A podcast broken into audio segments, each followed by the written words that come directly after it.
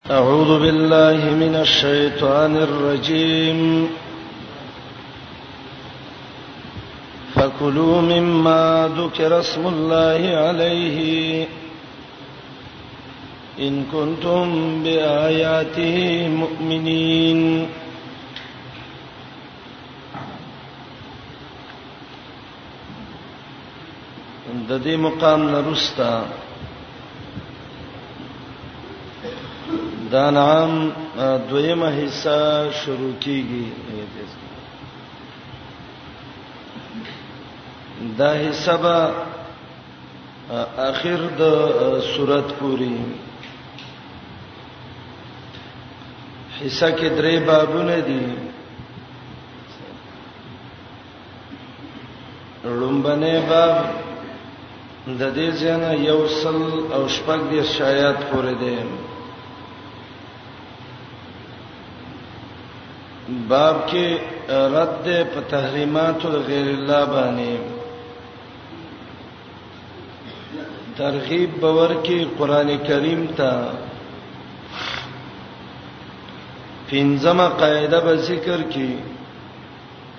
دپاره د تشریع د مبلغ په یو سل دریش کې او غشپګم عقبه چې مبلغ باندې کوم امتحان راځي یو سل او نهش کې بداغه تذکره وکي زجر به ذکر کې په انکار د رسالت او تخویف اخروی به ذکر کې فکلوا مما ذکر اسم الله علیه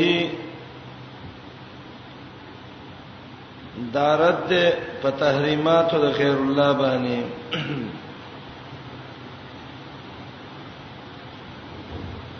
کم شی چې د الله نوم په یاد شي او حلالي ان هغه خوري د دې آیات د مخکې سره ربط او مناسبت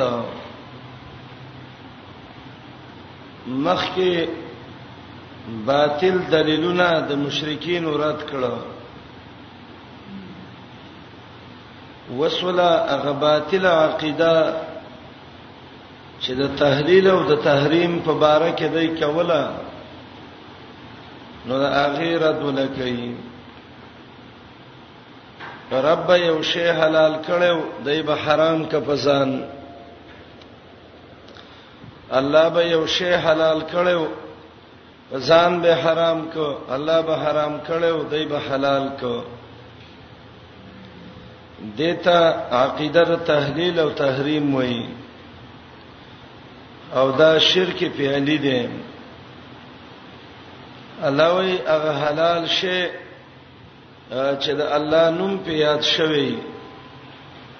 نو کې ایمان دب کې هغه وخورای او ستاسو څو زر ده او کم یو دلیلم ده چې د الله نوم په یاد شوه ده او تاسو نه خورئ کم شینه چې الله حرام کړی دي داغه پوره وضاحت شوه دی حرام په یو صورت شي خړلې چې کوم چې زونه د باندې حرامي مستوررتم الیه نظر د غیر الله دی حرام دی خو ته د سه محتاج شوې چې د ولګي ملکېږي زه خیر دې د دین وی خره او ان کثیرن س علت ذکر کوي د دې ما سبقه دا ملونه چې دا خلق کوي چې حلال حرامي او حرام حلالي دا ولې نو الله یې دوه سبب ذکر کړی دي یو سبب دا د خلق خواهشات په سر روان دي او دویم سبب دا دی چې دا اعتدا او زیته کوي معتدین دي متبعين د هوا د خواهشاتو دي چا کې چې ارتدای اتباع الهوای نو هغه د الله حرام هم نه پیژني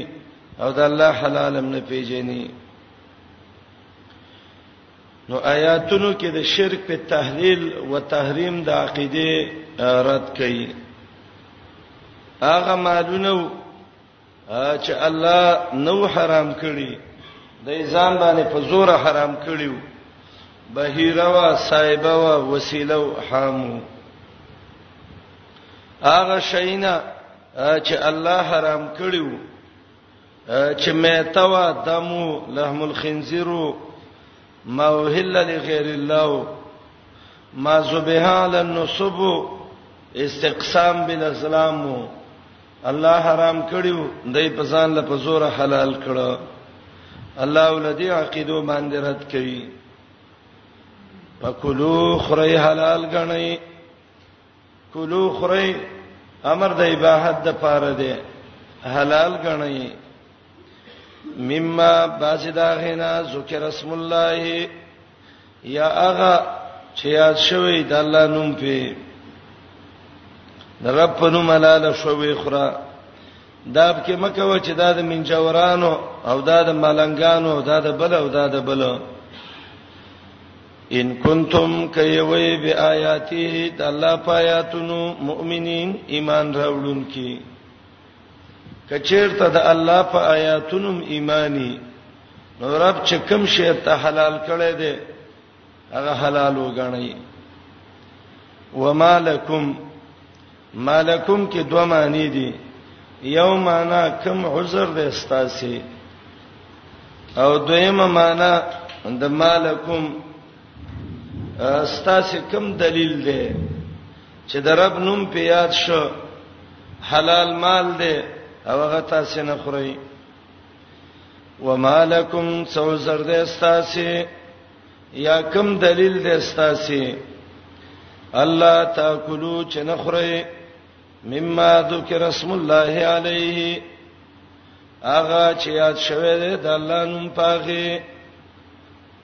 د رب نوم په یاد شوتې به هم نه خوري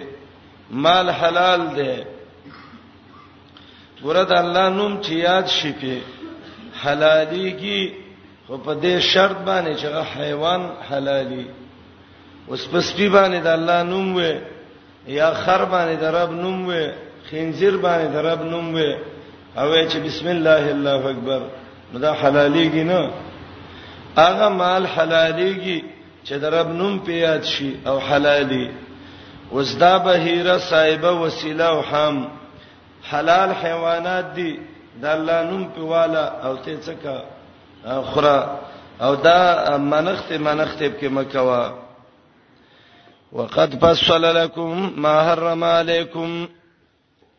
یقینا تفصیلی بیان کوي تاسو ته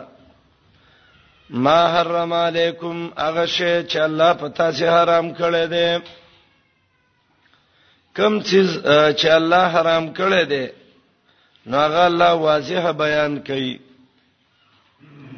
وقد فصل لكم ما حرم عليكم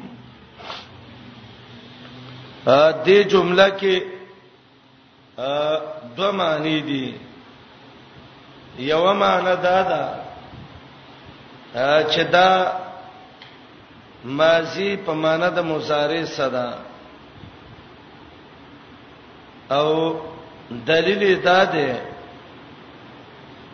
چې د سورته انعام نورسته نور سوراتونه نازل شوې دي پاګه کې محرمات دي نو معنا بدایي وقد فصل یقینا تفصیلی بیان کوي تاسو ته ما حرم علیکم اغه شینا چې الله د باندې حرام کړی دي کوم څیزونه چې رب حرام کړی دي هغه د باندې الله بیانوي او هغه به سورته مائده کې بیان کړه ځکه مائده یو سل دولسم ده د انعام نړۍ روسته نازل ده سورته نحل کې بیان کړه یو سل پنځلس کې بقره کې بیان کړل یو سل دریاوې کې نو فصلا مازیدا او معنی د مضارع ده او معنی به دای یقینا تفصیلی بیان به وکي تاسو ته او بیانې هغه چې الله حرام کړی دی او دویمه وجدا ده چې دا ماضی خپل معنی باندې ده او د دینه بعضی محرمات مراد دي چې هغه د انعام د نزول نمخ کې الله حرام کړیو انعام کې داغه حرمت راغلو لکه روسته سورته انعام کې به وایي آیات یوصل پنځیش کې قل لا اجدو فيما اوهي الي محرما على طائم يطعمه دارنګ روسته آیات کې وایي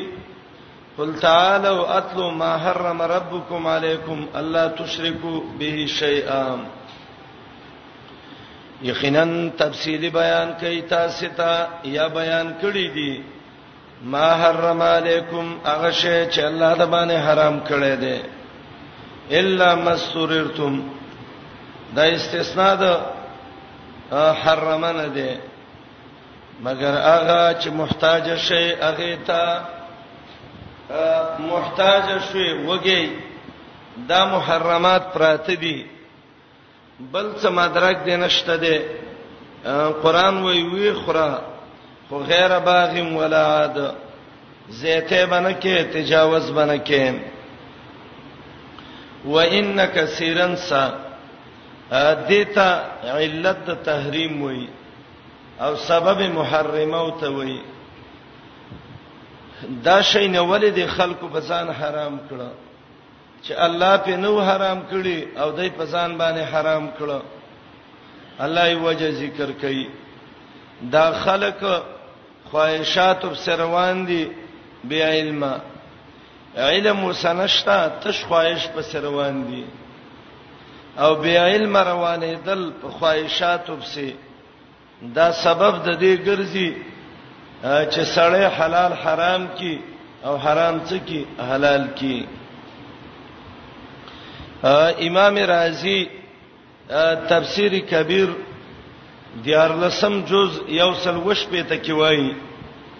وای دلت هذه الايه على ان القول في الدين بمجرد التقليد حرام کبیر کې راځي وای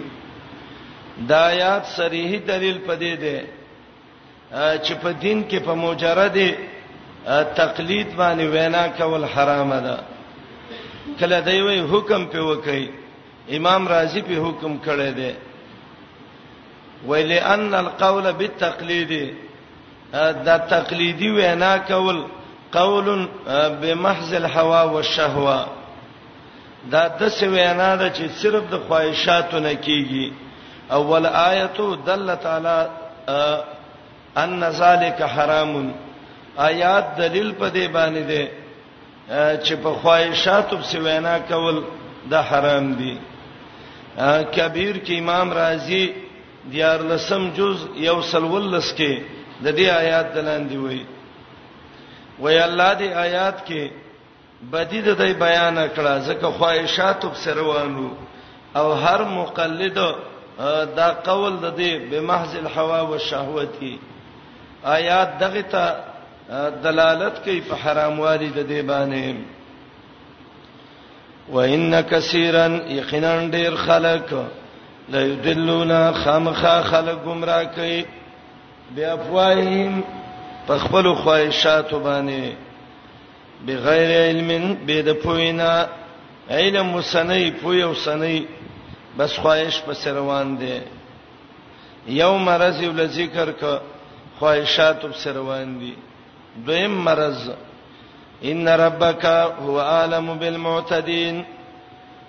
یقینا ستارب هغه ډیر خپويږي په زیاتی کوونکو باندې دا خلک اعتدا کوي اعتدا دا دا چې د زیاتی راغستې دي او د دینه بلوي زیاته کمی چې سړی په دین کې یو شی الله نه دی حرام کړي او دای په ځان حرامي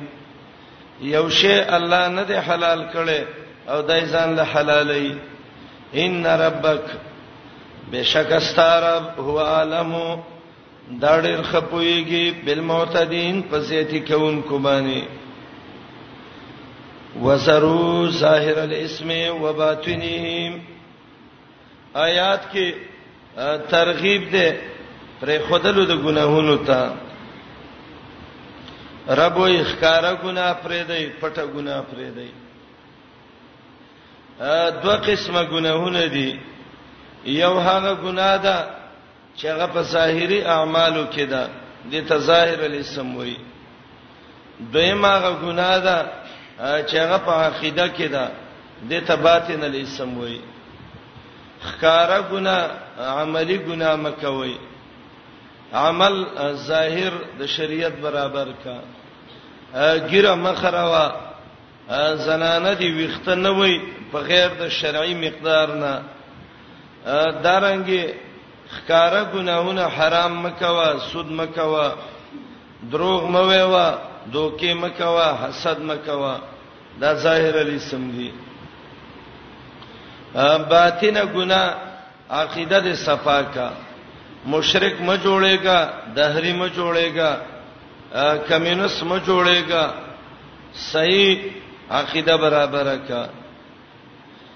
ظاهر اعمال برابرول ظاهر الاسم دي باطن اعمال برابرول دا باطن الاسم دي ظاهر ګناه پرېدا باطن ګناه پرېدا او دویم قول دا ده ظاهر الاسم څه دي شرک پیالي دي چې هغه څلور مهمه مسلې دي کې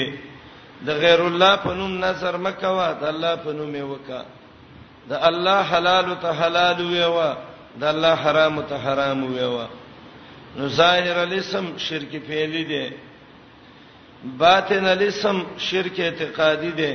عقیده برابر کا متصرف الله وګڼه عالم الله وګڼه چې عالم بالغیب الله متصرف الله دعا او چغه الله ته ووا عقیده برابر کا وزرو ظاهر الاسم وباطنهم ان الذين ستخويب ده هغه خلق چې هغه ګناهونه نه پری دي ظاهر ګناه نه پری دي باطن نه پری دي ګناه کوي ګناه کې اخته دي ګناه ته خسته ښکار شوی دا تبو ته دا کار مکوا دی به وې زی کومه الله وې دې له بس سزا ورکم غلط کسب وکړه د غلط کسب سزا الله وې زول ورکوما وسرو پرې دې ظاهر الاسم خکار ګنا بد عملونه وباطنه پټه ګناه پرې دی چې هغه د عقیده ګناه ده یا ظاهر هغه ګناه چې مخلوق ته پته لګي او باطن هغه ګناه چې د داوود الله مینس کې یو راز دی دا ټول پرې دی او ظاهر الاسم شرک فعلی پرې دی باطنه شرک اعتقادي پرې دی ان الذين يقيننا خلق يكسبون الاسم چې کسب کوي د ګنا ګنا کوي سيجزونا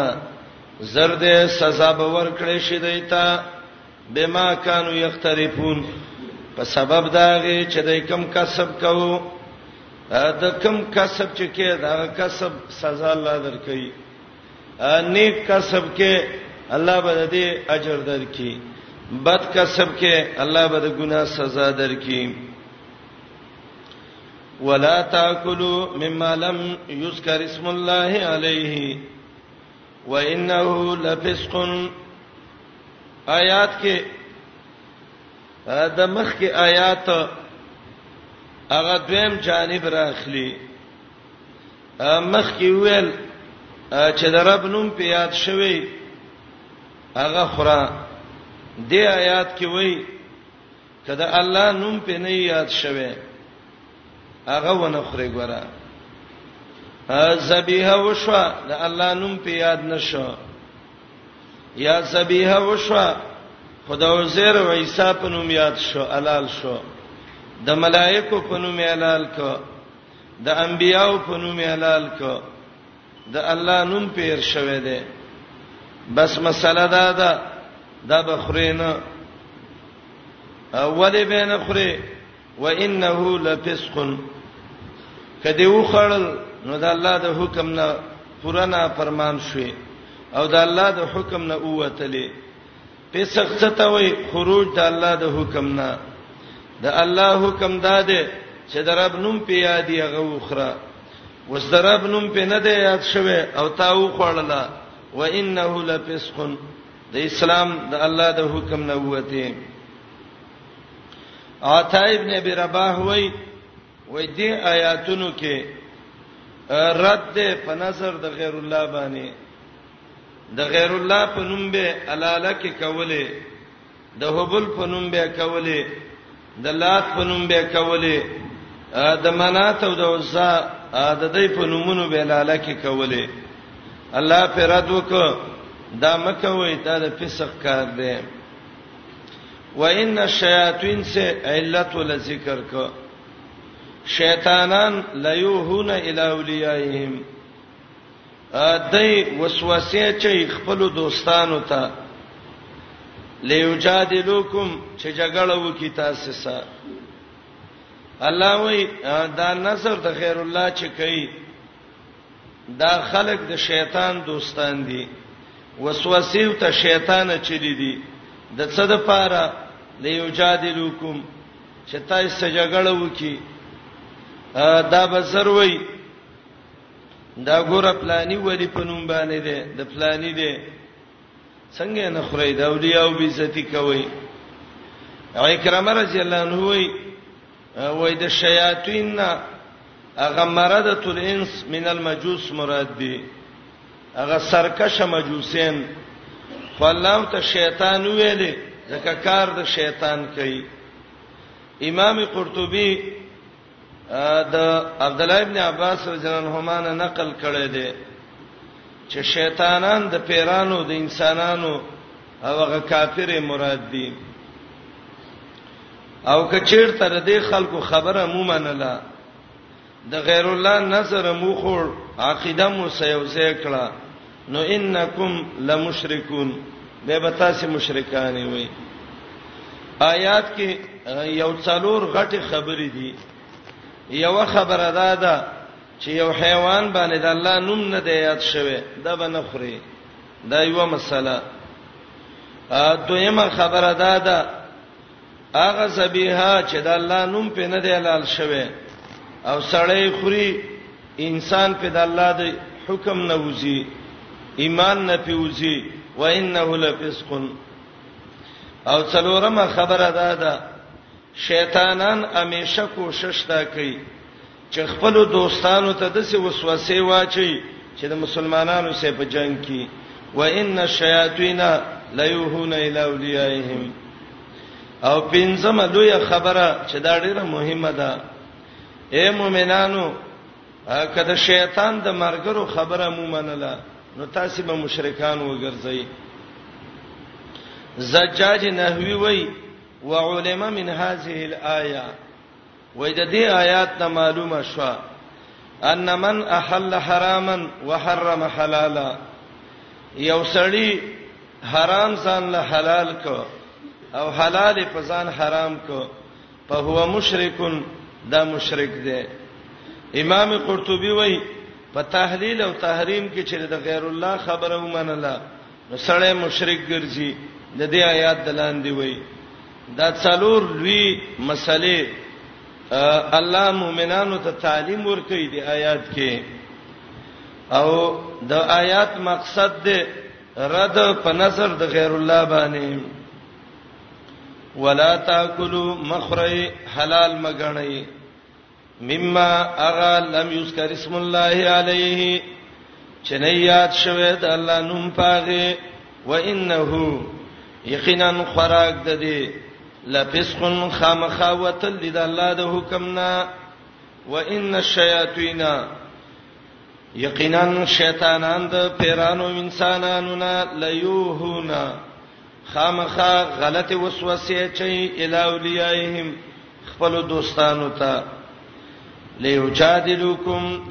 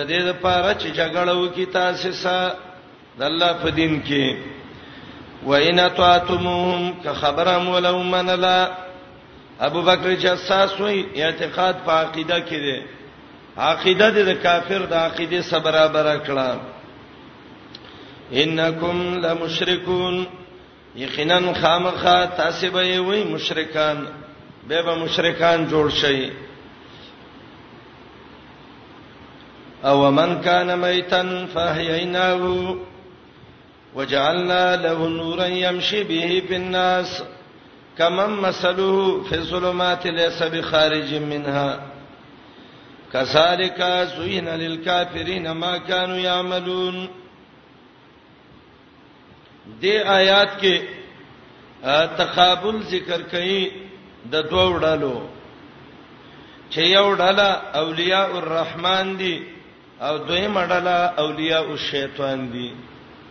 التقابل بین الفریقین فرقه من اولیاء الرحمن وفرقه من اولیاء الشیطان او آیات کې ترغیب ده قران ته دا دوه د آیات مزامین دي دا آیات د مخ کې سره ربط او مناسبت مخ کې ویلې د غیر الله په نوم الالک خړل دا فسق دې سړې په فاسق کیږي دا مهنت د شیطان دی دا سبب د شرک دی ورې آیات تمخ کې وګورئ دې آیات کې وایي شرک کول، فسق کول، د شیطان خبره منل، چې چا منلې ده دا کافر دی، کذالک زین للکافرین ما کانوا یعملون. نو مخکې آیات کې او تعال مشرکون ویلې، اوس دې آیات کې او تعال کافرون وایي. او دا د رب نظام دی. چې یو قانون شروع کی نو د یو حکم صحیح محل معلومي نو د الله د نوم نه ما سیوا د بل چا په نوم چې الاله کې شوی او څوک یې خوري الله وې سړی په مشرک کیږي انسان په کافر کیږي او ومن کان میتن ایا غڅوک چې هغه مړو یو سړی دی یو مثال الله دې آیات کې ذکر کړی دی دوه کسان دي یو مړ دی او یو ژوند دی دی دغه مړ چې را ژوند دی شي او یو رڼا ول الله ورکی او دې رڼا باندې رواني ورې دې مثال ته ګورئ دوه کسان دي یو د څه ده مړو الله را ژوندې ک او چې را ژوندې ک نو رب العالمین یو نور او رڼا ولور کړه دا رڼا وسده او په دنیا کې روان ده خپل لارم معلومه ای په او د خپل لار د معلوموالي سره نورو خلکو ته هم رڼا کوي. یو سړی داسې دی، مړ و، الله ژوندی کړ او یو بهترینه رڼا یې وله ورکړه چې دا واخله، په تورتم کې خلک ناست دي، توره شپه ده، ځه ته هم پې په دې لارې ځه او دې خلکو ته هم رڼا کوه. یو سړی داسې دی او بل سړی داسې دی، چې هغه په تیارو په منځ کې پروت دی نو سرنا شته چې خپل لاړ شي او نه بل ترنا شي کوله دا دواړه برابر دي چاري نه دي برابر ولی په دې یو الله درې احسان وکړو یو خمړو ژوندې ک دویم رڼا یې ورکړه خپل لار ویلا او دریم دا دی چې بل ته رڼا وکړه او دا بل چې دی یو تورتم کې پروت دی خپل لار نینی بل تم رڼا نشي کوله او دون لار وته نه ده معلوم لیس به خارج منها چې د لار نه وځي دا دواړه برابر دي چاري نه دي برابر دا مثال د چا دی ابن زید وای دا مثال د عمر رضی الله عنه او د ابو جهل دی عمرم بيدینای کې پروتو بيدینه سړی مړی الله ول د روح حیات ورک خيسته ایمان نصیب کو رڼا د ایمان او د قران ول ورکړه يمشي به په ناس دنیا کې روان دي فتح کوي ملکونه فتح کړه او دویم ابو جهل دی هغه په ظلمات ليس بخارج منها ا تورتمونو تیرو کې پروت دی ا کوپر تیر کې وو وو استبدر کې الله ملک تباہ او برباد ک د قبر تورتم زنکدن تورتم حشر تورتم جهنم تورتم د عمر خپل رڼا د ایمان د قران دعوت خلکو ته کوي فتح په کوي قبر رڼا حشر رڼا جنت رڼا دا دواړه برابر دي چرې نه دي برابر ابن زید وای دا مثال دی د عمر او د ابو جهل ا دویم قول دا دی چې دا مثال دی د مؤمن او د کافر او دا ډېر ښه خبره ده یو مؤمن دی الله په ایمان او په توحید ژوند دی کو او بهترین رڼای ول ورکړه چې هغه رڼا د قران او د حدیث ته ا دې مؤمن ساقیده د توحید ده رڼا او صد قران ده دا رڼا یې غسته ده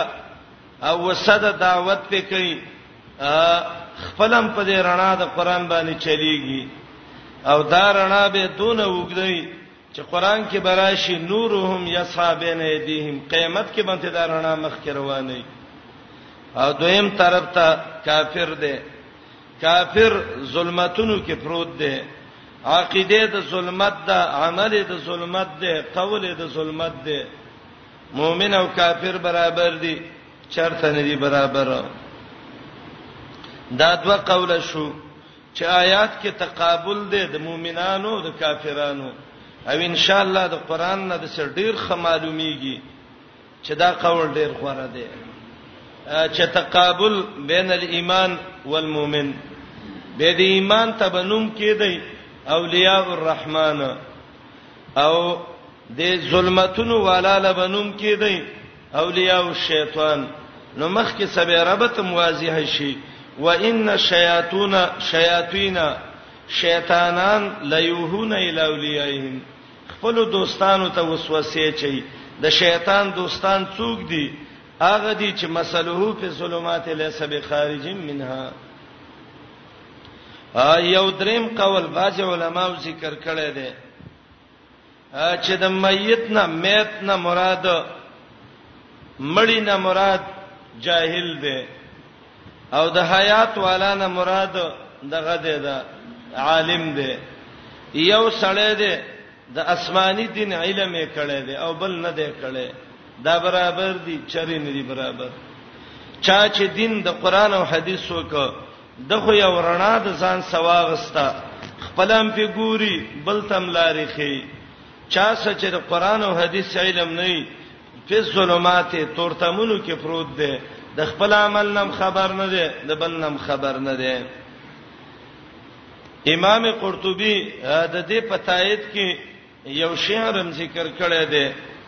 وبالجهل قبل الموت موت لاهله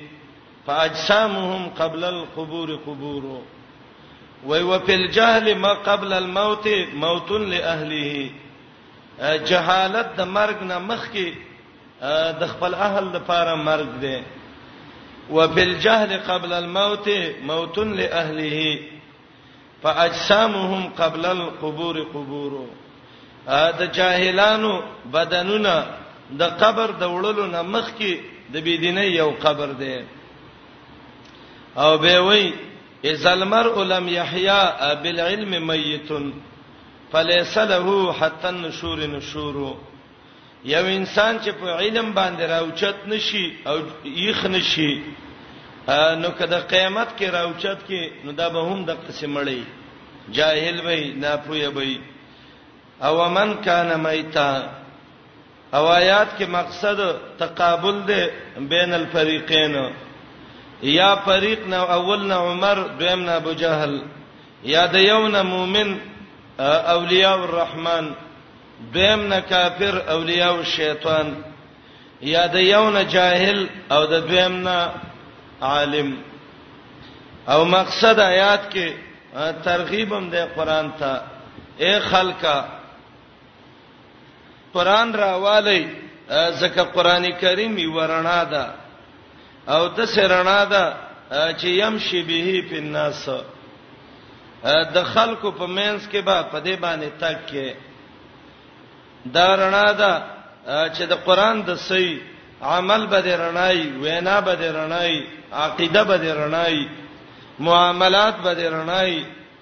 کاروبار به دې رڼای دین نه به خبره په دین به روانه او من کان میتن ایا هغه څوک چې مړ فاحیناه په ژوند یې کړی من اغه لره د دې حیات نه حیات د روح مراد ده فاحییناه حیات الروح او فاحییناه بالتوحید وجعلنا له نورا ورکړې موږ دته یورنا یمشي به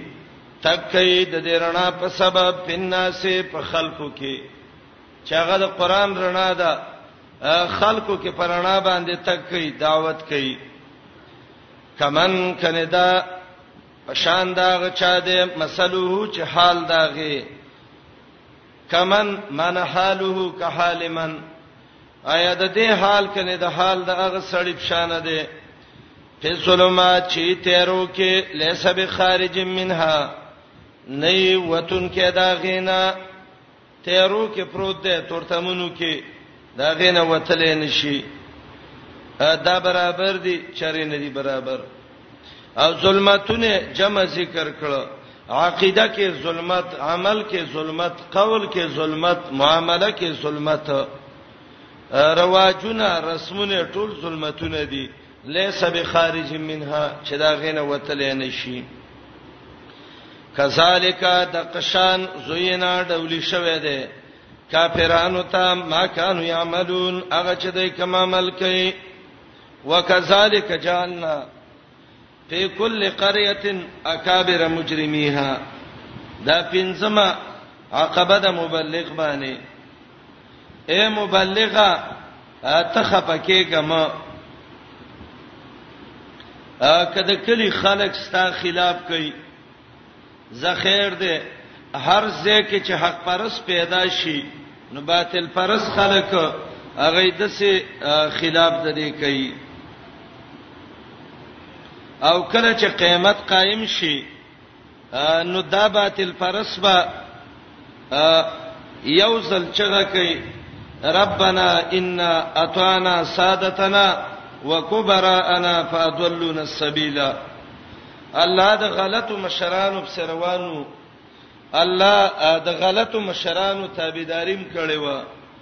رب د سمې لار نه خطا کړیو ربنا آتهم ضعفین من العذاب الله تعالی د چن عذاب ورکي کلی کې مشران دوه قسمه خلک یو هغه خلک چې د الله نه یریږي زړه کې د الله او د پیغمبر محبت ده دا چره د الله د دین خلاف نه کوي یو هغه خلک دي چې زړه کې د الله محبت نشتا د نبی علی السلام محبت نشتا د قران سره محبت نشتا د دین سره محبت نشتا د دې کار څه دی لیم کرو فیها کوشش وکړي چې چل جوړ کې مبلغ او دای ختم کړي د ملک نه وکذالک دغشان جاننا ما ګرځولې دي او د دې آیات د مخ کې سرابت مناسبت مخ کې ویلې کذالک زوین للکافرین کافر ته د عمل خيسته شوه دلته وی وکذالک جعلنا فی کل قريه لکه څنګه چې کافر ته بد عمل خيسته شوه دی نو دقشان هر کلی کې من مشران ګرځولي کس کدي کې فرق دی او دا مشران د څه کوي لیم کرو فیها چې دې کې مکر وکي اکابر مجرمیها غټان خلق ګناګاران د کلی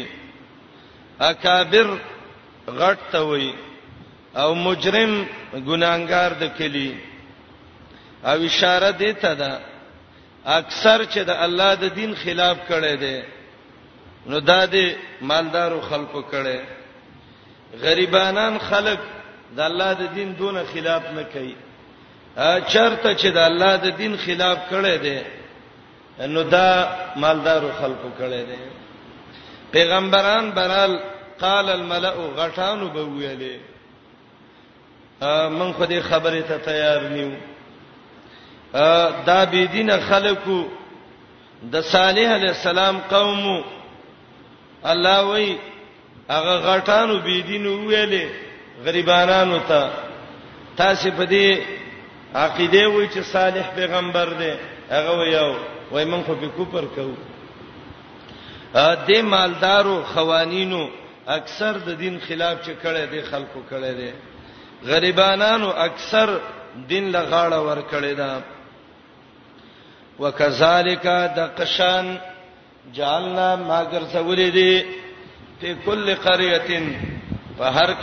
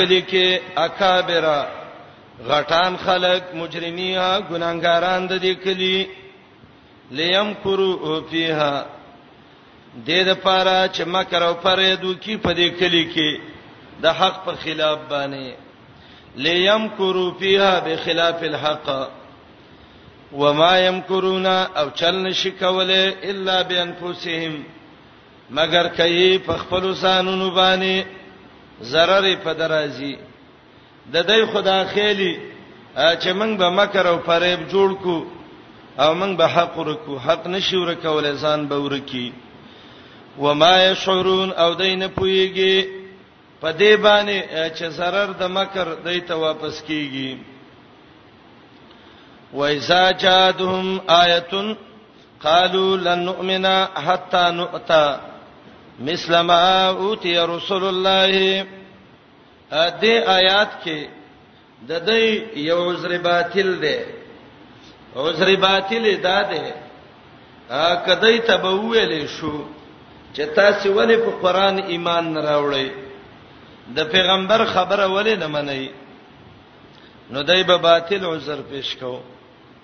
او باطل عذر به داو الا به منګه ایمان راوړو چې منګ هم د سه پیغمبران شو لکه نور پیغمبران چې څنګه دي ا دې آیات کې دوه تفسیر دي خو واضح تفسیر دا دی چې مراد د دینه نبوت ده د دې پیغمبر پیغمبري نه منو لکه مخکینو پیغمبرانو له چې پیغمبري ورکړې شوی و بس هغه سي پیغمبري دې موږ لرا کړې شي لن نؤمنا هرگز ایمان نه راوړو حتا نؤتا چې موږ ترا کړې شي مسلمه په مثل د هغه نبوت او تی رسول الله چې د الله پیغمبران له ورکړې شوی نو دا یو قول دی چې بس دی مطالبه د نبوت وکړه زه خبره به دی ومنو خو زه د پیغمبر شم او د خامقل سړی د شان نه ده بعید نه ده او دویم قول قرطبي ذکر کړی دی هغه دا دی چې د پیغمبري نه غوښتله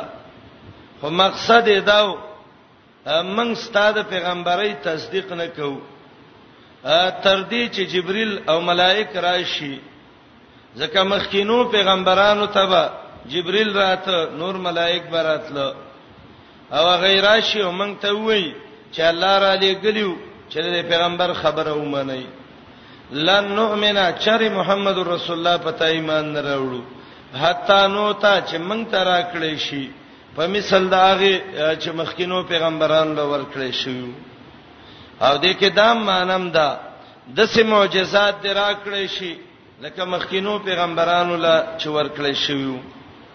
خو ولنې توجیه ډیره غوړه ده او د دې وجدا ده چې روسته الله جواب کوي الله عالم حيث يجعل رسالته تاسو پیغمبري طلب کوئ رب خ عالم دی چې کوم زه حقدار د پیغمبري قابلیت د نبوت په چا کې الله یې غلا ور کوي نو دا دوه قول دي یو دا چې د مطالبه د نبوت کړي و او دویم دا دی چې مطالبه د معجزاتو او د جبريل د دې کړي و خو ولنې قول ډیر غوړه دی دلیل په الله اعلم صدا دی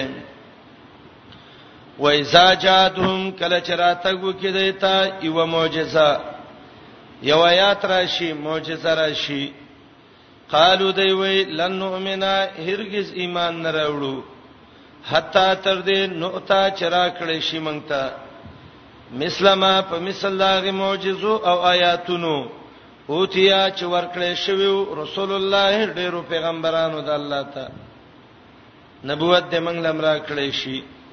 جواب الله اعلم الله ډېر خپويږي حيث فاغزه کې یجالو چې ګرځي رسالت او خپل پیغمبري الله چې چا کې قابلیت پیدا کی اهلیت پکې پیغمبري غیله ور کوي او زکه وای دا پیخي سيصيب الذين فزر دې چې وبرسیا خلکو ته اجرمو چې ګناهونه کړی دي صغارن ذلت صغار ذلت ته وای ذلیل بشي عند الله عند الله دې جمله کې یو څو معنی علما کوي ایو معنی دا ده ابن سکیت وای وبرسیوتا ذلت عند الله من من عند الله د الله د طرفنا دا معنا ابن سکیت کړی دا الله به ذلیل کی ا دویمه معنا پر را کړی دا چې دا عند په معنا د من صده او دا حروف چاره دي عن او من یو د بل په معنی راځي نو معنی به دی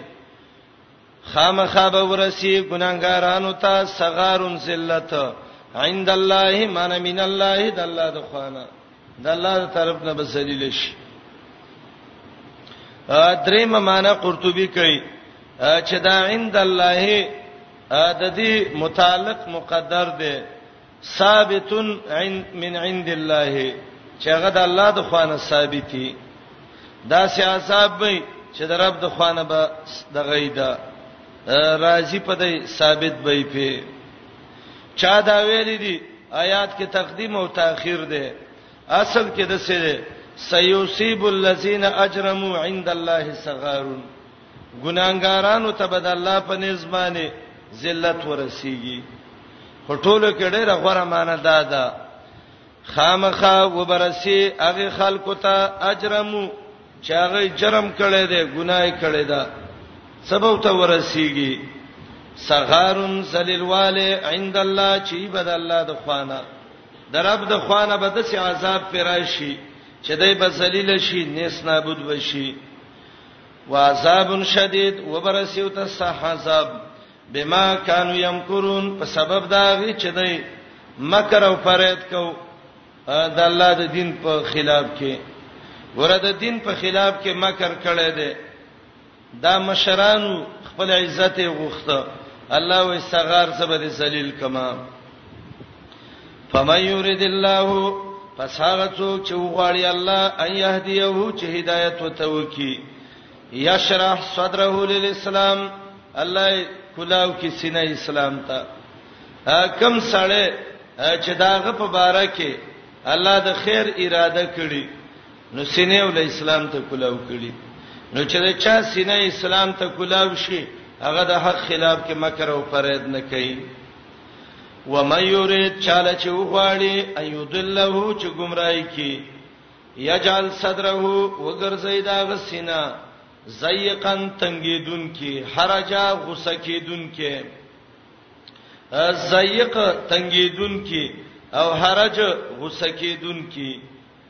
او دسه په دا دین زور ولور کوي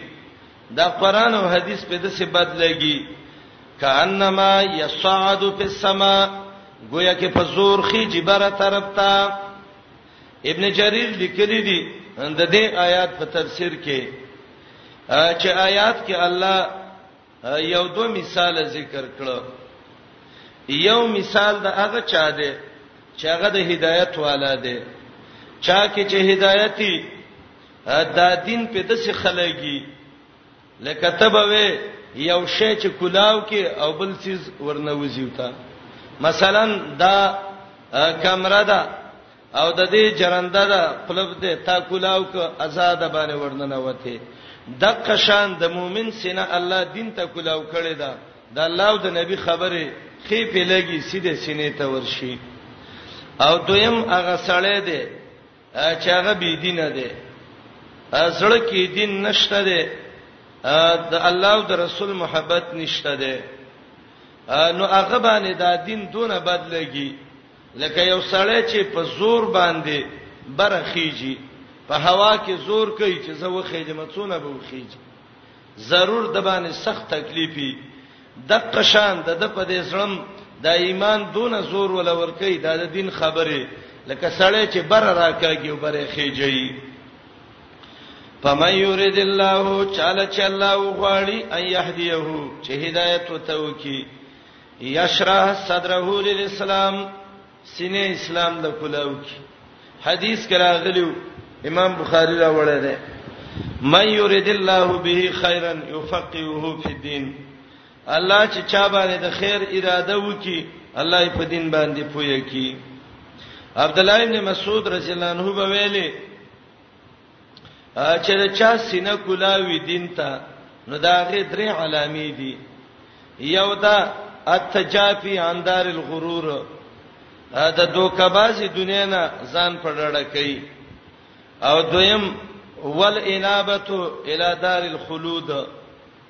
هغه کور چې د همیشوالي دی جنت دی هغه مد نظری او دریم والاستعداد للموت قبل النزول مرګ له تیارې کوي د ورتګ نه مخکې دا درې صفاتونه چې چا کېرال د دنیا نه ځان پړړه کول د اخرت طرف ته انابت ځان کې پیدا کول او د مرګ نه مخکې مرګ له تیارې کول وای دا علامه ده دې دا چې د دې انسان زړه الله دین ته ګلاو کړي دي و مې یوري چاله چې وغاړي ايو دله چې گمراهي کی یجال صدره وګرځي سینه داغه زیقن تنگیدون کی حرجا غصه کیدون کی د الله په دین باندې ته به ورته دین وې، دا به د تندې ستریو کړی غوسه به یې. دا دین په داسې بدلېږي کأنما یصعد گویا په زور خېږي په سما بر طرف کې کذالک دغه شان ګرځي الله الرجس ابن سید وای عذاب ګرځي الله عذاب په خلکو چې ایمان پکې نه وي ابن عباس معنی کوي الرجس هغه پلیت شیطانان شیطان په هغه چا مسلط کیږي چې هغه کې ایمان نه وي ګرځي الله الرجس شیطانان او درې ممانه مجاهد کوي کل ما لا خیر فيه هر هغه شی چې خیر پکې نه وي هغه تاریج سوی نو معنا دا ده دغه شان ګرځي الله هغه به خیره امور علی الذین هغه خلکو چې ایمان پکې نه معلومیږي دا چې چا کې ایمان نه عذاب پاغه راځي چا کې ایمان نه هغه د شیطان سرور ولی ده او کم د بے خیرای کارونه چي دي دا په هغه چا کې راځي چې ایمان پکې نه وي دوه خبرې مخکې ذکر شوې یو دا ذکر شو چې هدایت بهترین شی دی ځکه د هدایت په وجبانی د انسان سینه اسلام ته کولاویږي او دویمه دا ذکر شو چې ایمان بهترین شی دی ځکه چا کې چې ایمان نه نو هغه د رجس زی اوس وهذا س ترغیب قران ته ذکر کوي او مقصد بدای که هدایت غواړي او ایمان غواړي نو قران لراشه دایربت او مناسبت وهذا دا قران صراط ربک لار درب استاد مستقیما نیغه نیغه لار ده الله ته درسي جنت ته درسي صحیح دین ته درسي قد فصلنا الايات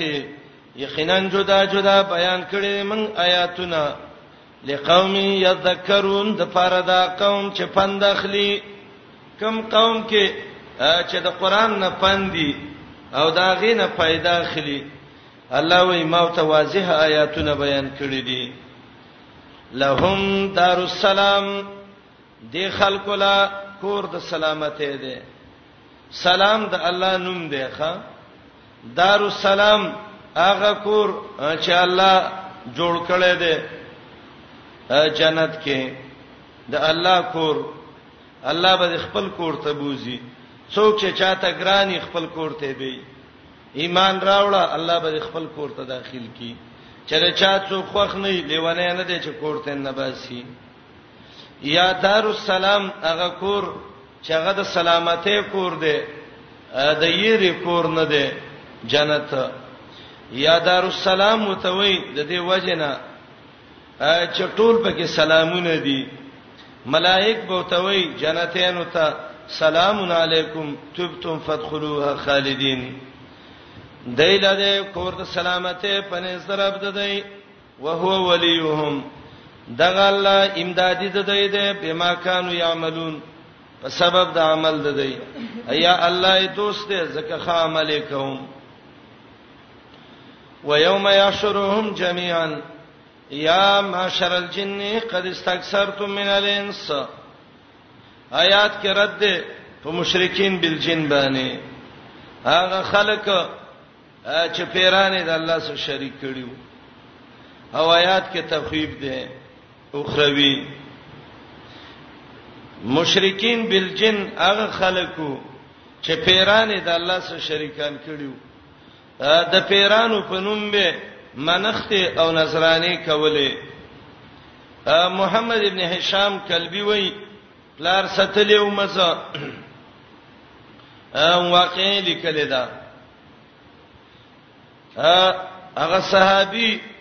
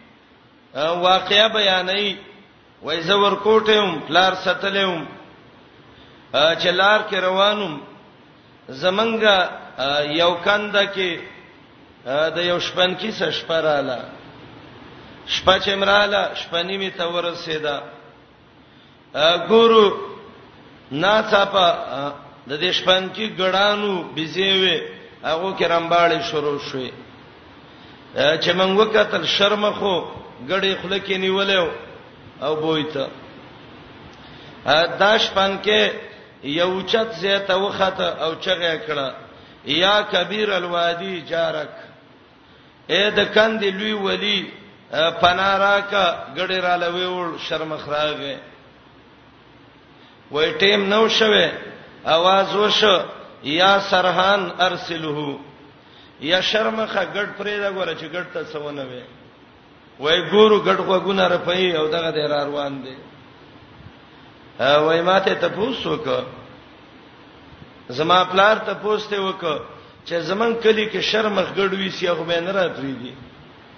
دا ته څنګه ستا غرا پرې خدا وای ماته ویلې چې د کند کې یو لوی ولی دی او داغه په نوم زپکال کې منخت ګډان ورکوم او چې حیوان زما په مال را پاتېږي شرم خپل څه شي هغه ته आवाज وکم هغه مال پناره کی مال مې را خلاص کی صحابیون ډیر څه حیران شوم رادو محمد رسول الله تم دا واقعیا بیان کړه چې د الله نبی د څه واقعیا وشو نبی علیہ السلام د صحابه او عقیده جوړې وي کله موږ او تاسو ډېر دلیلونه به متویلې وتوی ویلې تلک شیطان یضلک دا شیطان او عقیده الله خرابوله دوه شیطانانو یو د شرمخ په شکل راغې او بل आवाज وته وک یا سرحان ارسله غړې را پرې خود دا شرمخ نو د شیطانو ستاسو عقیده گمراه کوله تلک شیطان یودلک یا معشر الجن اے د پیرانو جماعت قیامت کې الله به ته وایي قد استكثرتم من الانس یقینا ډیرم د ځان تابع کړیو د انسانانو نه قد استكثرتم ډیرم د ځان تابع کړیو یا ډیرم گمراه کړیو من الانس د انسانانو نه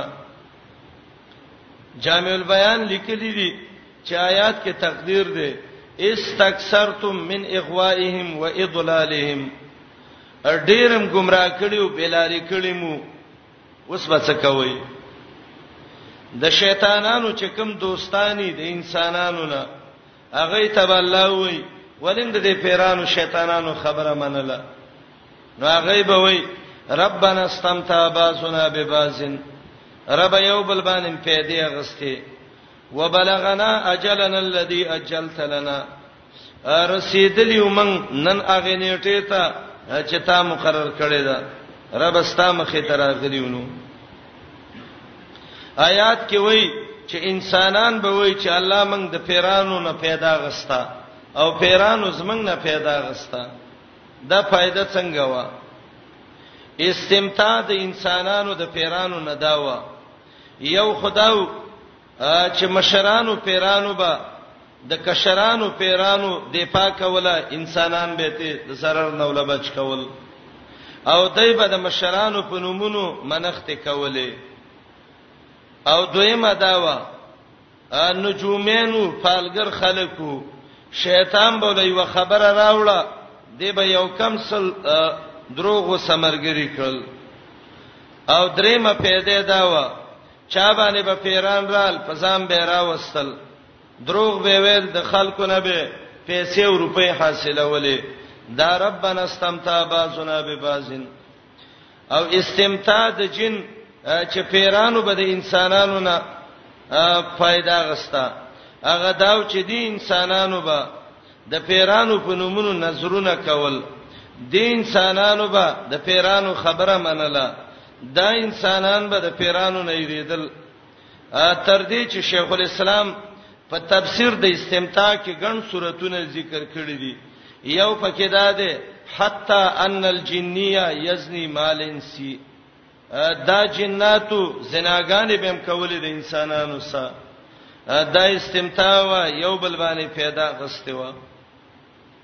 رب او توي النار مسواکم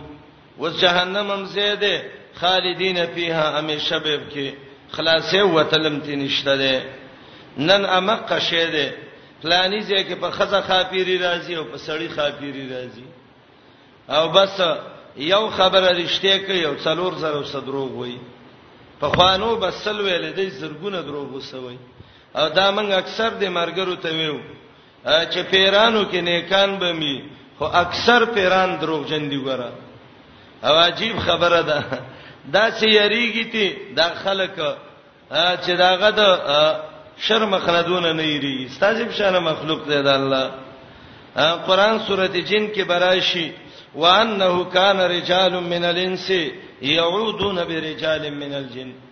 داسې انسانانو چې په پیرانو به پناه غوښتله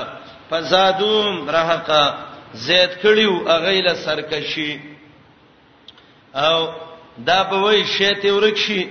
پیرانو ماماګانو خپل وسه او زمنګار راوړی نو ماما ته دی وې نو د ماما خور خم ستا کړه ده به ماما خو د مور دغه ته وای دا اورور ته وای نو دا مور دم پیرې ده به دې ته وې کنه وې پیرې مامې زمنګ دا کار وکړه نه نه او به اکثر د فاسد خزه ځان باندې پیری راولي خاپیری راولي هیڅ شي پی نه او دروغ به وای پلانې د څه دی او پلانې غسه دی د خلینا به زګونه راوارته ډوډۍ ډیره کی په خپل خلیلا زګونه راځي ادی به ویرا خافیری دی په پلاني باندې او د څه به وشش د خپل د سوران کړه د خپل جوړه کله ده د مشرک خله یې کګه پیرانو دي چې زون نړیر مې ریږي زمنګ استاد شپشانه مخلوق دی یو مرګری باندې راغلیو ماته څه ته پوسونه وکړه روستم کې زمودرسم هغه وخت کې ما ته ویل د بانکونو لولې نه ورځي چې پیسې ته راوړی وای ملائک ولاړی څرمنې را لو باسي د سیم وای نو به تماول مال څنګه حالت ده خلک وای چې تاسو کې دا خاطری ډیر خسته دي ما ته وای قران امیر ک قران کې الله نه وایي چې انسان ټولو کې خيسته دی خاطره به څه خيسته وي وای من کې ډېر خيسته چې او تاسو کې ډېر بدرنګي دا د څه قریب قریب مساوي دی یو بل سره خو زمون خپل شکل چې دی پاګه کې من خيسته نیو او کم چې دا خيسته ښکاری نو دا یتشکلوا باشکال مختلفه مختلفو شکلونو باندې او به ویل آیت کرسی چې څوک په منګه وای منګ په سم ور نه خلیخه ما ته پوسټه وکړه مال اکثر خلک وای چې په ما پیران راځي وې خندلې وې طریقه به ته وخه مال څنګه وې دا رګونه ګوره کدا ولاړی به به او کني نو به پیران میران نشته دی وای چاله جوړ کړي لخت اب سراواله خپل تی وزي بهخه ويوم يحشرهم جميعا یاد کا غورز چرا جمع بکی الله دی لټول او خپل ماته ویلې او انسانان د دینه یریږي هو الله چې د دې انسانان نه څونه یریږي نو انسانان له پکار نه دي دونه ویریږي انسان سره ور دی خو چې ځان و پیژني پاغه ورا چراجم وکړه د اله جميعا ټول قیامت کې وتبو ویل شي یا معشر الجن اے ټولګه د پیرانو قد استكثرتم یقینا ډیرم گمراه کړی دي من الانس د انسانانو نه وقال اولیاءهم او وایبا دوستان د دې من الانس د انسانانو نه ربنا یا الله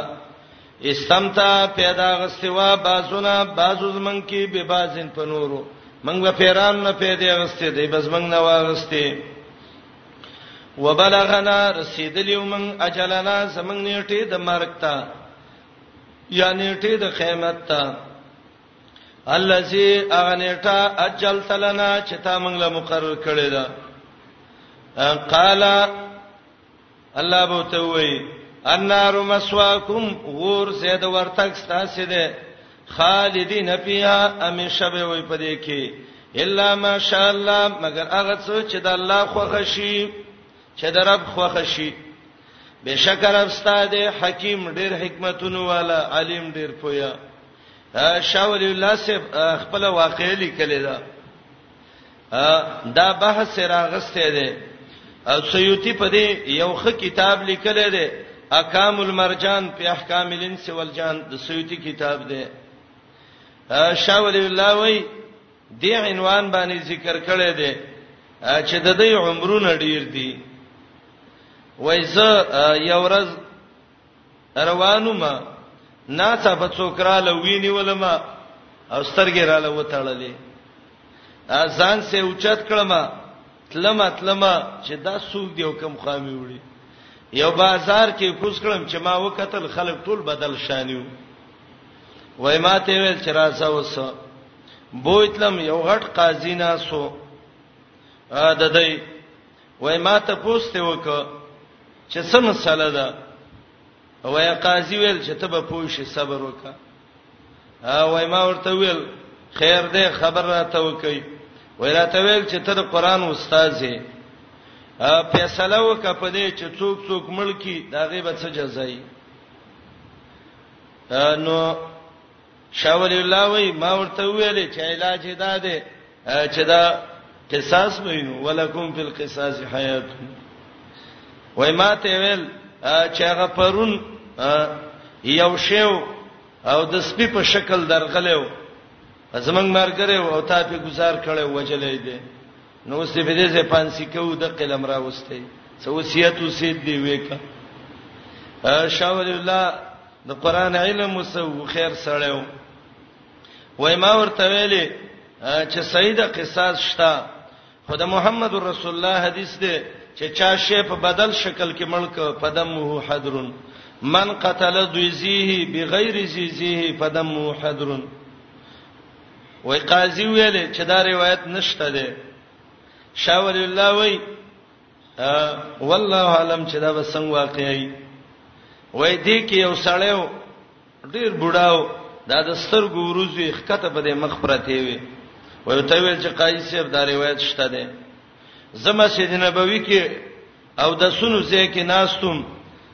ابو هريره ته محمد رسول الله دا حدیث ویو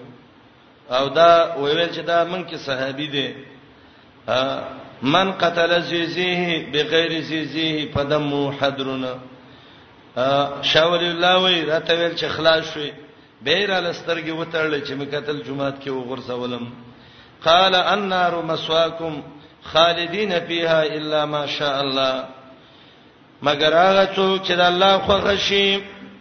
ماشاء الله کې دوه معنی دي د الله خوښ شي عذاب بولډیر کی عبد الله ابن عباس وی ماشاء الله نه ګناګار مؤمنان دي چې درب خوښ شي به به راو باسي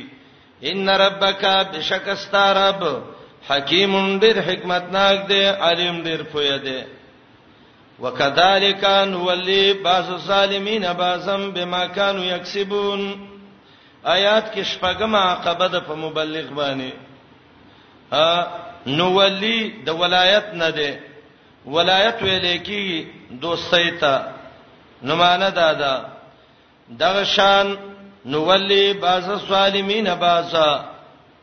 ملګری کوو باز ظالمان د بازو سا یو ګناګار د بل ګناګار ستاون کوي دا هغه عقبه ده چې تابانه به د بادشاهانو د قاضیانو مخې ته به ورمخ کې کړي پرون درس کې مې ویلیو لکه څنګه چې د کلی کې باطل خلک د قشان حکومتونو کې ظالمان خلک نو ولی باز ظالمین بازا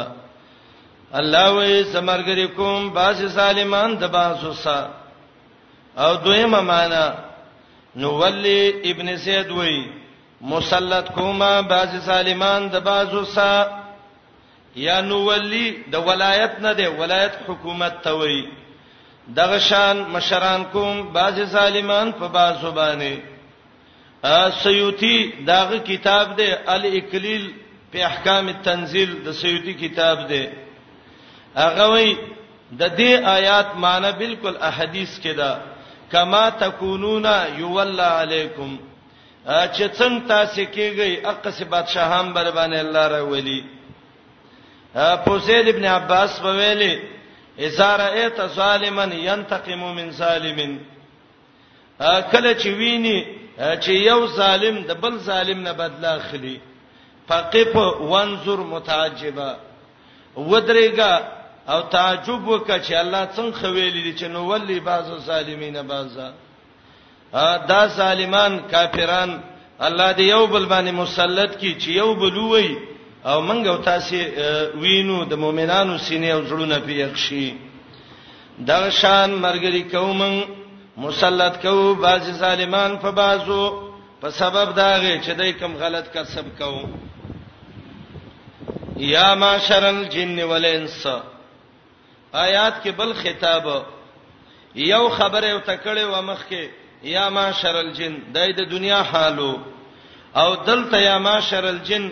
دای حالت د قیامت ده الله به توي اے ټولګه د پیرانو انسانانو الم یاتکم ایا نه دی راغله تاسو ته رسولون پیغمبران منکم ساسل جنسنا ظاهر د آیات نه دا معلومیږي چې پیغمبران په پیرانو کې مراغلیو لکه دا د مقاتل او د زهاق قول دی خود جمهور علماو قول دا دی چې د ادم علی السلام نه بعد چې پیغام پیرانو کې الله پیغمبر نه دی را لېګلې کله چې الله انسانان پیدا کړی دي نو به نبوت الله په انسانيت کې را لېګلې ده دا د جمهور قول ده او دا منکم چې ده دې ته تغلیب ویلې کیږي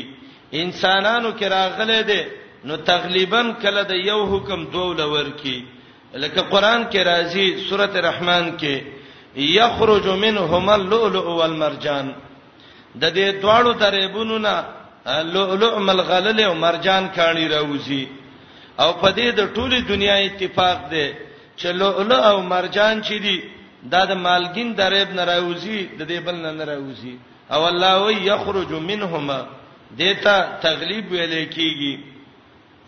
یا منکم کې معنی دا ده من مجموعکم اے پیرانو انسانانو تاسو دواړو ډلو کې الله پیغمبران را لېګلې دي او محمد رسول الله به ویلي صلی الله علیه وسلم بوئستو ال الاحمر والاسود پیرانو انسانانو ته زاله را لېګلې عبد الله ابن مسعود وای وسم د مسجد حرام نه چې وزي د ابو قبیس په غاړه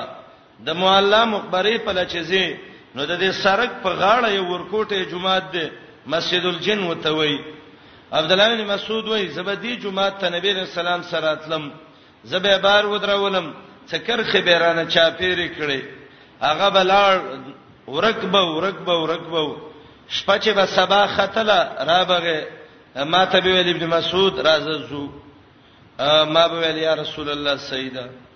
او پیرانو ته به دعوت کو دین به ته بیانو یا معاشر الجن اے ټول کې د پیرانو د انسانانو الم یاتکم ایا ندی راغلی تاسو ته رسولن پیغمبران منکم تاسو له مجموعینا یقصونا چې بیان کو پتا سزما آیاتنا وینذرونکم یره درکړی وی لقاء یومکم د ملاقات د ورځې ستاسو هاذا چې دا ده و د دې ورځې نه نه وی راولي قالو دی به وی شهیدنا لان فوسنا الله گواہی کو په خپل ځانونو بالکل راغلیو ولیم د پیغمبر خبره نه منله جواب وغرتهم الحیات الدنیا دوک کړیو دیلا هغه ژوند دنیوي دنیا غر کړیو ښا وشهدوا علی انفسهم اقرار به وکي په خپل ځانونو مخاتل وای اول به انکار کوي خو چې کله د دې اندامونه په دې گواہی وکي نو وشهدوا علی انفسهم په ځان به اقرار وکي انهم کانوا کافرین چې ودې کفر کوونکي د آیات کې وای اقرار به وکي ابل ورځ درس کې تیر شوی ودی به وای والله ربنا ما كنا مشرکین قسم په الله مو شرک نه کړي یا خو مختلف مرحلې دي کله به سوچو کې چې اقرار کې ګټه ده اقرار به وکي او کله به وای انکار کې ګټه ده انکار به وکي یا ما كنا مشرکین د خپل عمل ته د شرک نه ویو ذالک دا علت ده د ارسال الرسل ذالک دا پیغمبران الله را لېږي ولی الم یکو ربک نه دې رب ستا مهلک القرى هلاکون کې د یو کلو والا قرى قريه کلی ته وای قريه جمع ته وای کلی ته قريه وای ځکه خلک پکې جمع کیږي به ظلمن په سبب د ظلم او د شرک واهلها غافلون چې اهل دا غیب خبرې الله یو کله چرې نه هلاکي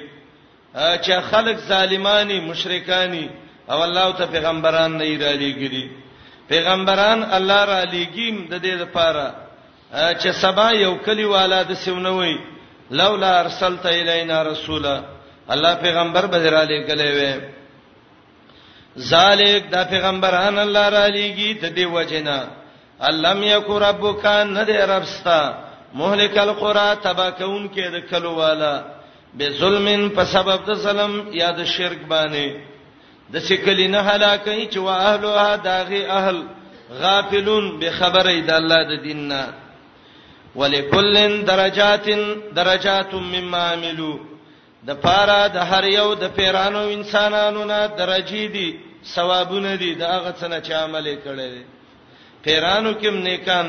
انسانانو کې و ما ربک نه د ستارب بغافلن بفروا دا څنګه یعملون چې دوی کوم عمل کوي الله بفروا نه دی نه خبر نه دی کوم عمل چې کړي الله لیکل دی ملائکه باندې الله به اجر ور کوي درب صفاتو ګورئ رب غافل نه دی نو رب څه دی وربک الغنی رب ستاده به پروا د مخلوق نه یا الغنی غنی دې نور لرزق ور کوي ذر رحمه مالک دې د رحمتونو زو په معنا د صاحب سرازي ذر رحمه صاحب الرحمه او زو په معنا د دغه سم راځي الذي س لکه عربان وي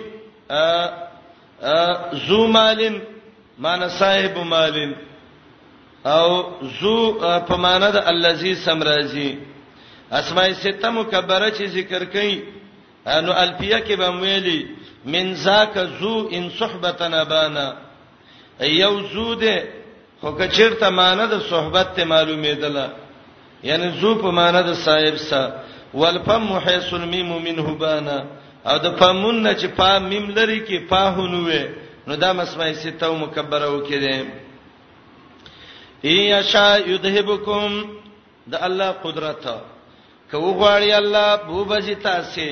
ويستخلف نائبان به جوړ کی من بعد کوم تاسو نه روستا ما یشا څه چې وغواړي تاسو به ختم کی نور براولي دا به څنګه د غوډر خطر خلق دی الله مثال ذکر کړي کمان شاکم لکه څنګه چې تاسو پیدا کړی وای من ذریته قوم اخرین دا اولاد د قوم رستنونه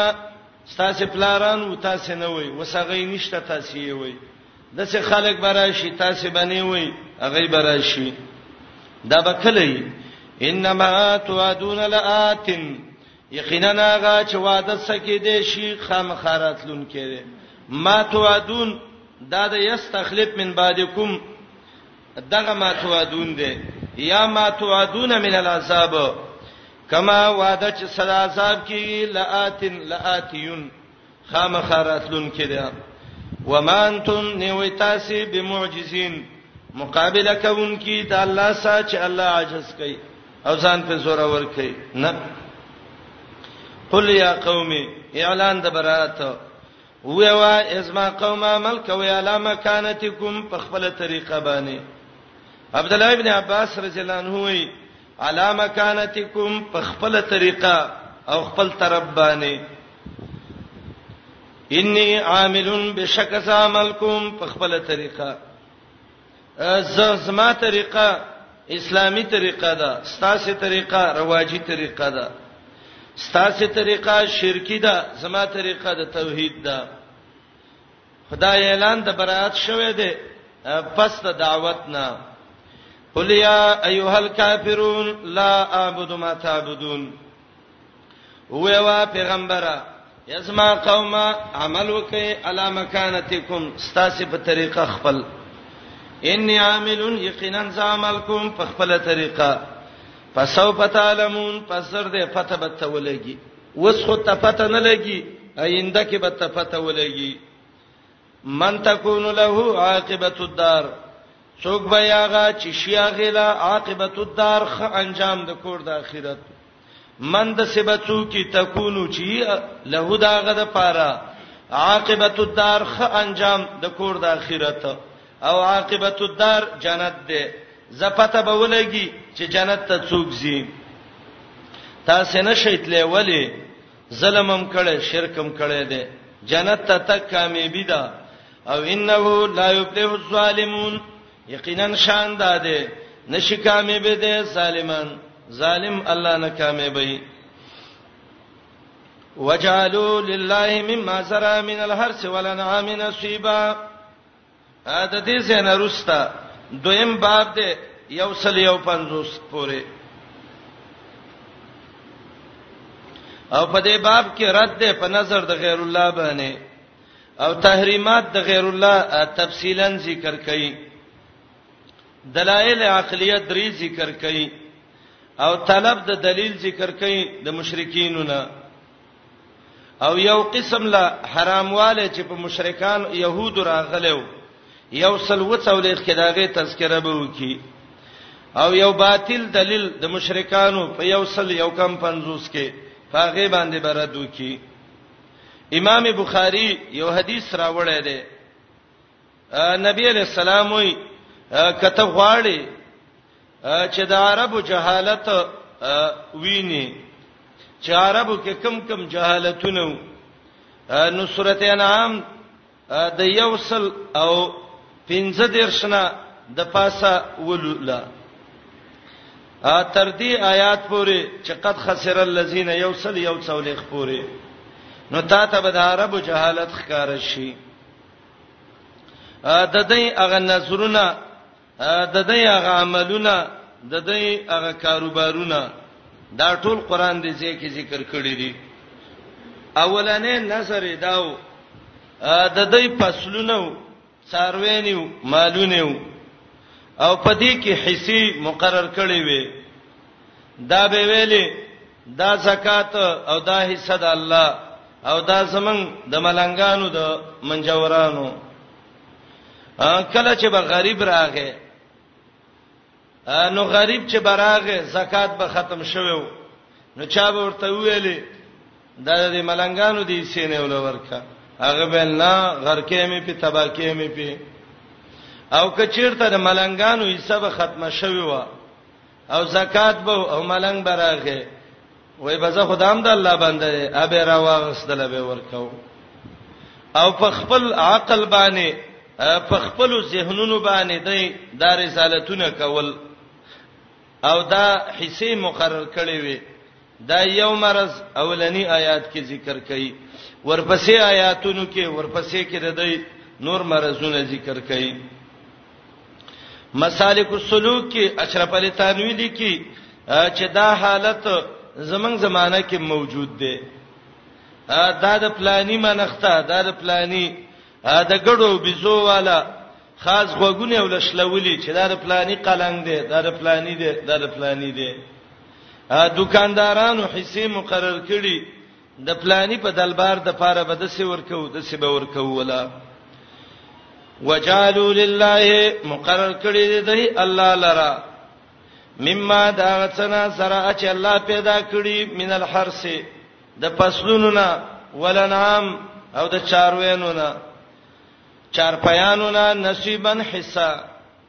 یو حصہ د الله یو حصہ د شرکاو شریعت ته ته دا کمزې کې ویلي فقالو دی به ویلې هاذا لله دا یو د الله دی بسامهم د دې په ګمان شاول الله سیب حجت الله البالغه کې لیکي چې کان فیهم الزکات زکات بم پدای کې وو زکاتونه به مور کول خو بسامهم ویلې د دې معنی دا ده په غیر د څه مقدار شرعي نه په خپل ګمان به یو څه ورکړ زدا د الله شوب کې د الله برخه وهذا لشرکائنا او دا بل ایسه زمنګ د معبودانو د پاره زیدا زمنګ د شرکاو شو به به دا فرق کاو فما کان لله فما کان لشرکائهم هغه حصہ او قلنګونه چې و بد دی د حصہ دارانو د پاره فلا يسول الى الله الله تبن رسید الله تبن رسید مسکینانو لبین ورکو وما کان لله هغه زکات چې د الله په نوم به جدا کړو په هو يسلو هغه برسید الی شرکائهم د دوی هغه شریکانو له ملنګ راغله ورکه زکات ول خیر دی ساما يحكمون ډیر بد دی هغه چې فیصله دی وکړه درې طریقې دا فیصله بد ده یو خدا دې چې تا ته چا ویلې چې ته د بنده حق د الله د حق سره برابر کا چې تا قلنګونه د زکات سره برابر کړو یو دویمه د ډیره بده فیصله دا وکړه چې د شرکاو په نوم دی منښت او نصرانی ورکړي او درې مبدی او ظلم اداو چې د الله حساب ملنګانو لور کوله او د ملنګ حساب د الله بندگان لنه ور کوله سا ما يحكمون وكذلك زينا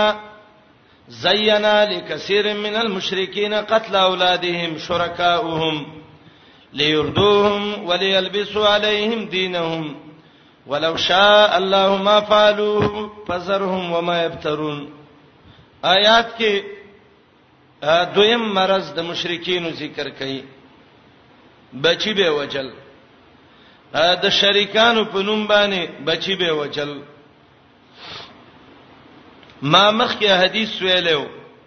عبد محمد رسول الله پلار عبد الله رایستلو او د هبل په درگاه کې علالو او د سلو خانو په ایواز کې عبد الله خلاص شو انا ابن السبيحتين حدیث کې دا معنی ده ا بچی به روان کړیو د غیر الله په نوم به علالول لکه شیعاګانې وسم جوحال شیعاګانې د حسن او حسین په نوم یې علالې یا بازي هندوان دا کارونه کوي او دویم قول دا دی چې د دې قتل نه هغه قتل دی په واقع کولو په شرک کې بچی به را روان کړیو د مشرکانو تابعدار به کړه په خپل به مشرکان کړه نو بچي مشرک کول مشرک له خور لور ور کول دا د سیده لکه تا چې ملک ختم دی ک وای پلاني کوپری ملک می لور ور کړه او د سه خوشاله چې مال به ډالر را لېږي ایروګانې به را لېږي شینه به را لېږي په زار وډک شي دا خو دې مړه کړه تبا دې کړه زکتا چې کافر لور کړه خو د کافر سبا خپل کافر کیږي الناس علی دین ملوکهم زخپل یو واقعیت ته عبرتن بیانوم د بحرین ایرپورټ کې یو جنې د قران یو سند خکته راو غرزو پلار ته خپلارې جړلې مالې ولې جړې څه چللې مونږ انتظارګه کې ناسو ماته ویل لور مې و د قران حافظه و لندن کې مې یو چاله ورکړه سند مې ورکړې وله چې زدا به چیرته په کار شي وای چې خطر ته ویل چې پلار په زور دي کافر کړم او ها دا سند دې درواخله او که قران را سوي والله چې غم هم دله د مخ نه یشته ځکه تاسو په خپل لاس قران دې را باندې یاد ک دین دې را باندې یاد ک او اوس دې کوپر ته ولې ګلم وای خپه پدیم کدا کار مې نه وکړي مال دا هوس نه کې د مخ کې کېده بچی راوالی پدې خوشاله ز فرانس کې به لندن کې به ورکو برتانیې کې امریکا کې کاناډا دې کوپری ملکونو کې پیسې برازي او موږ به خرو دلته بناستیو ظالم سپه الله دولګه مړ نکړه تاسو د پیسو ډیر دغه د فکر دې سره د بچي وجل دادی چې بچي ته کوپر تاواله کې د بچي وجل دادی چې بچي راواله او د یو درگاه او د یو قبر او د زیارت په منجورای کې واچي او دا عادت د مشرکانو بچی به وجل د بچو د وجلو دوه سبب علما ذکر کوي زنب کې د سیو چې الکان او جنکې دا به وجل د شرکاو په نوم باندې او زنب کې د سیو چې هغه به ژوندۍ جنکې خخولې دا به ویل دا به څخري او دا به سبا د چا کور ته لاړ شي تفسیر قرطبي تفسیر قاسمی صفوه کې دیو آیات دلاندې یو واقعې راوړې ده او دا واقعا امام دارمی سنن دارمی کې دا ولنې حدیث ده چې سنن دارمی کې ده صحابي د نبی رسول الله مخ ته ناشته جاړي رسول الله صلی الله علیه وسلم ته وی ولې جاړي دا صحابي واقعي ذکر کړي امام قرطبي قاسمي صفوه کې صابوني د دې آیات دلان دي واقعي لیکل دا صحابي وای سفر باندې تلوم چرالم زما کور کې یو خيستا نوجوان جنې مې ویل دا ځکه دا عرب ډیر وګد وګد سفرونه وو وای خزه ته ویل دا جنې څوک ده وای ماته ویل بنت الجار د گاونډي لور ده وای مالې ښا جنې می به ویل ده د شپې څه حصہ کې می ویل ده مور به مانه پټوله چې دا جنې زمون کور کې پاتې شو توره مې راوغسه وته ویل قسم په الله سر دی وام خبره وکړه دا څوک ده وای ماته ویل چې تتلې کم حملو دا غینا دوه میاشتې وروسته دا پیدا شو ډیره خسته و ځان سمې اشاره کړه او ستا څلیرش پنځیش کال د سفر وشو وستا غلور دا ما سکور کړه خو ما نه وعده واغسته چې څه به وته نه وې السلام علیکم تعال کولو پخپلو دعا غانا حتا ته